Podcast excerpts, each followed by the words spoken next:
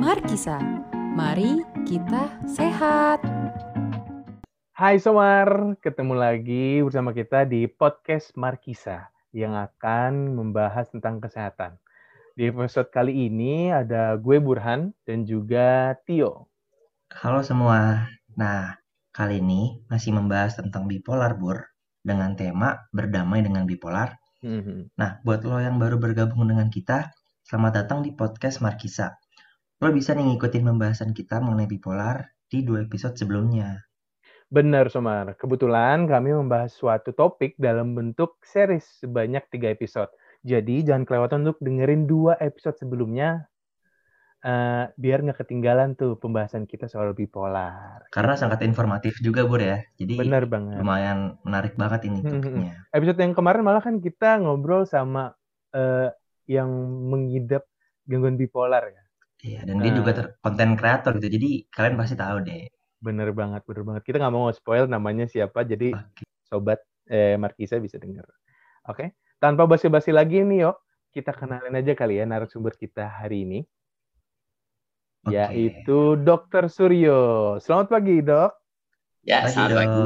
Selamat pagi semua. Oke, dok, boleh kenalin singkat dulu soal dokter nih. Siapa nih dokter? Oke. Sedang sibuk apa? Ya, eh, saya Dr. Suryo Darmono, spesialis spesialis kedokteran jiwa atau dikenalnya sebagai psikiater ya. Em, saya sendiri saat ini bekerja di di klinik psikiatri di Rumah Sakit Sin Carolus dan di Rumah Sakit eh, Mitra Keluarga Kelapa Gading. Di samping itu saya juga sebagai dosen psikiatri di Fakultas Kedokteran Atmajaya, dosen luar biasa untuk Fakultas untuk psikiatri juga di Fakultas Kedokteran UI dan juga sebagai dosen tamu di Fakultas Psikologi Atmajaya. Kira-kira seperti itu sih gambaran singkatnya. Wah, padat ya dok, jadwalnya dok ini kayaknya. Lumayan, lumayan.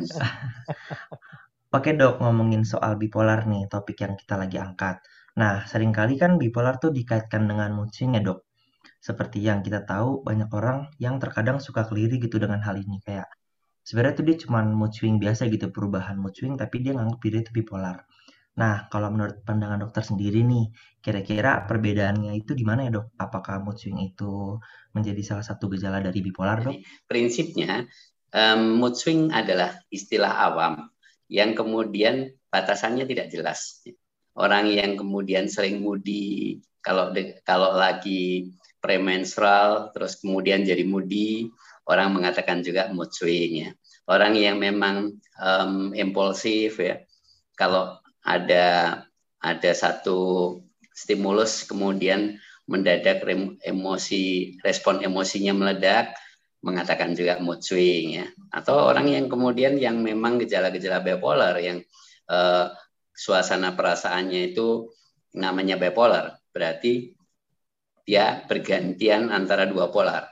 Kadang-kadang dia berada dalam keadaan yang sangat bersemangat gembira berlebihan hmm, tetapi juga menjadi sangat irritable ya, impulsif di lain waktu dia masuk ke dalam situasi yang depresi sedih kemudian tidak ada semangat, menarik diri.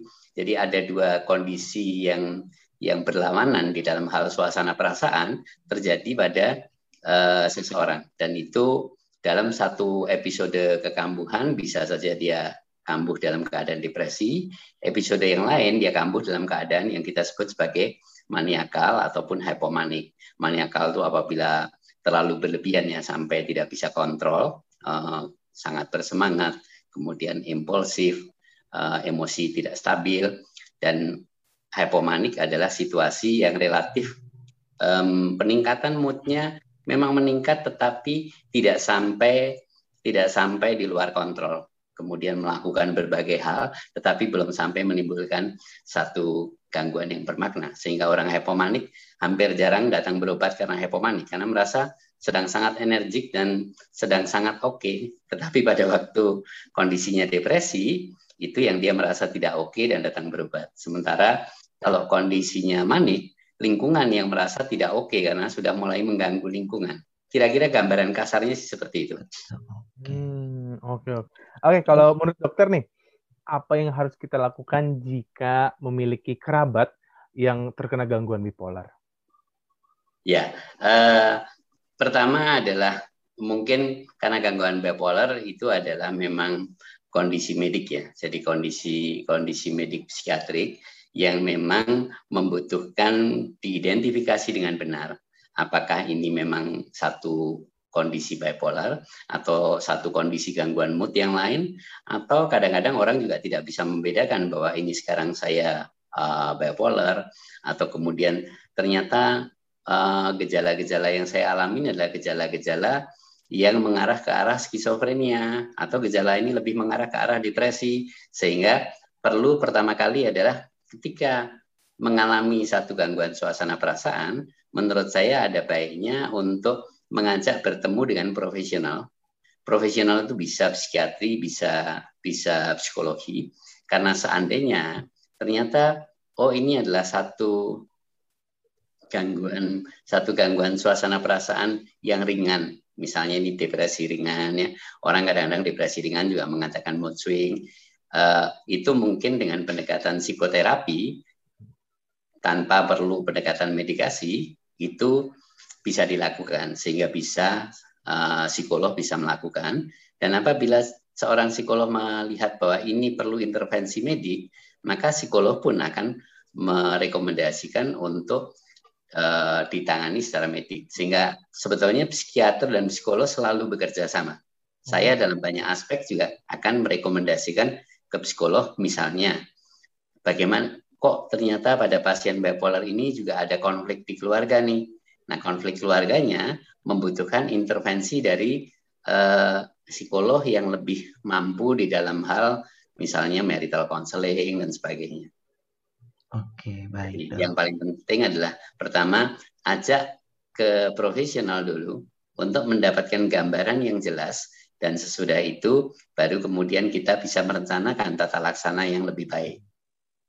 Oke, baik, Dok. Gitu. Eh, yuk berarti sesuai sama kemarin ya kita ya. Kita juga berpendapatnya nih, Dok ya. Kemarin tuh di episode pertama kita berpendapat jangan uh, self uh, apa tuh? Jangan menilai diri sendiri dulu ya, yuk ya. Betul. Uh, make sure dulu kalau misalkan itu benar gitu. Benar, datang ke profesional. Iya.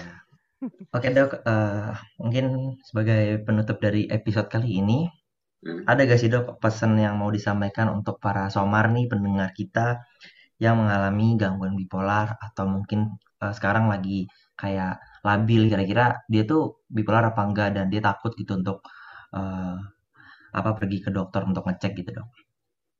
Oke, okay. uh, eh, pertama bagi mereka yang mas yang meragukan atau karena buka atau googling atau kemudian mendengar dari teman-teman uh, mengenai kondisi kamu mood swing jangan-jangan kamu bipolar itu menurut saya sangat mudah untuk uh, oke okay, kita coba konseling dengan profesional karena profesional sekarang banyak yang online kan. Sehingga masa-masa pandemi ini sebetulnya masa-masa yang membuka peluang. Oh ya kalau gitu online saja.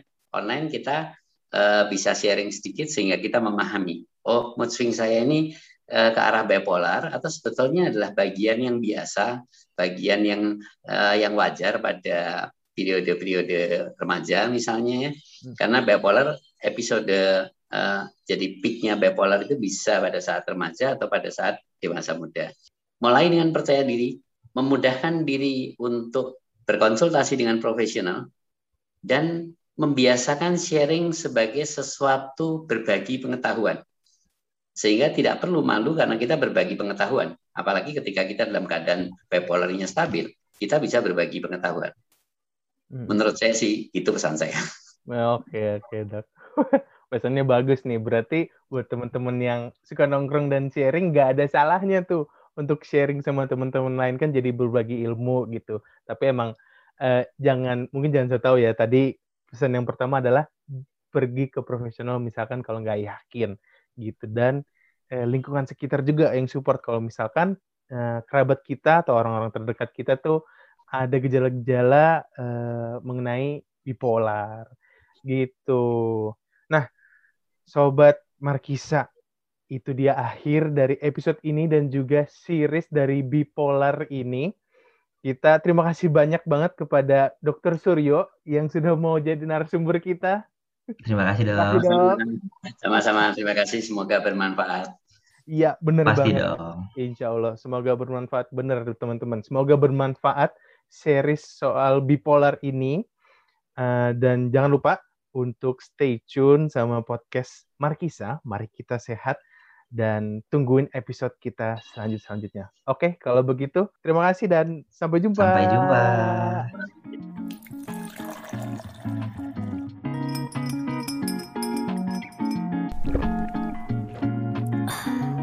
Markisa, mari kita sehat.